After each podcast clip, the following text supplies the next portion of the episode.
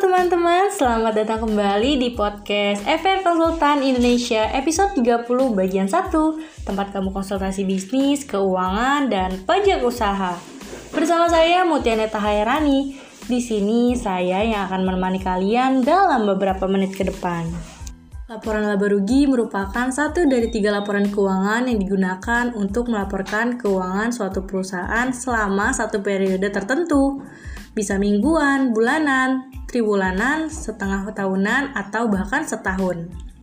Di dalam laporan laba rugi biasanya memuat dan meringkas segala biaya, baik yang dikeluarkan ataupun yang didapatkan oleh perusahaan selama menjalankan bisnisnya. Bersama dengan neraca keuangan dan laporan arus kas, laporan laba rugi menjadi komponen yang penting dalam pelaporan keuangan suatu perusahaan. Perusahaan mana pun yang peduli terhadap kesehatan keuangan pastinya akan memahami dan membuat laporan keuangan, terutama laporan laba rugi, karena laporan ini merupakan laporan awal yang paling sederhana dan memerlukan data yang lebih sedikit dari neraca keuangan serta laporan arus kas. Pada bagian judul biasanya memuat nama perusahaan, judul laporan dan periode waktu pelaporan. Laporan laba rugi juga bisa banyak ataupun sedikit, tergantung pada kompleksitas perusahaannya. Selain itu, format yang digunakan oleh sebagian besar perusahaan juga sama, akan tetapi ada beberapa item yang dapat berbeda, tergantung pada industrinya. Yang terpenting, laporan ini mempunyai tiga aspek, yakni pendapatan, beban, serta laba rugi bersih. Nah, apa aja sih fungsi dari laporan laba rugi? Perlu kamu tahu nih, laporan laba rugi dibuat untuk melihat apakah perusahaan yang dijalankan menghasilkan keuntungan atau tidak. Di dalamnya akan meringkas semua pendapatan perusahaan dan mengurangkannya dengan pengeluaran, sehingga yang tersisa adalah keuntungan atau kerugian dari perusahaan. Dengan catatan terperinci ini nantinya perusahaan dapat mengetahui kinerja bisnis yang dijalankan.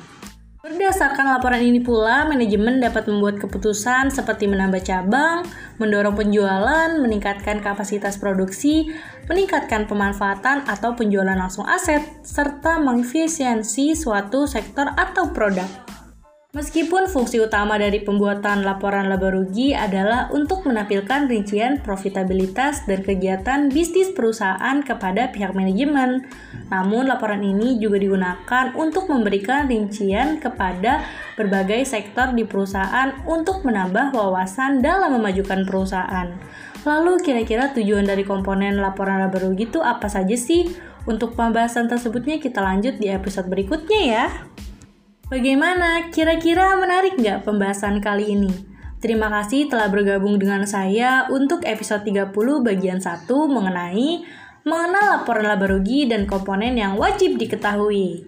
Untuk mendapatkan lebih banyak tips dan trik tentang bisnis, keuangan, dan pajak, kalian pantau terus ya podcast FR Konsultan Indonesia. Dan tunggu updateannya di Instagram at Indonesia. Oh iya, kalian juga bisa konsultasi gratis loh selama 20 menit pertama dengan menghubungi nomor 0813 8228 9991 atau mengunjungi website kami di frkonsultanindonesia.com.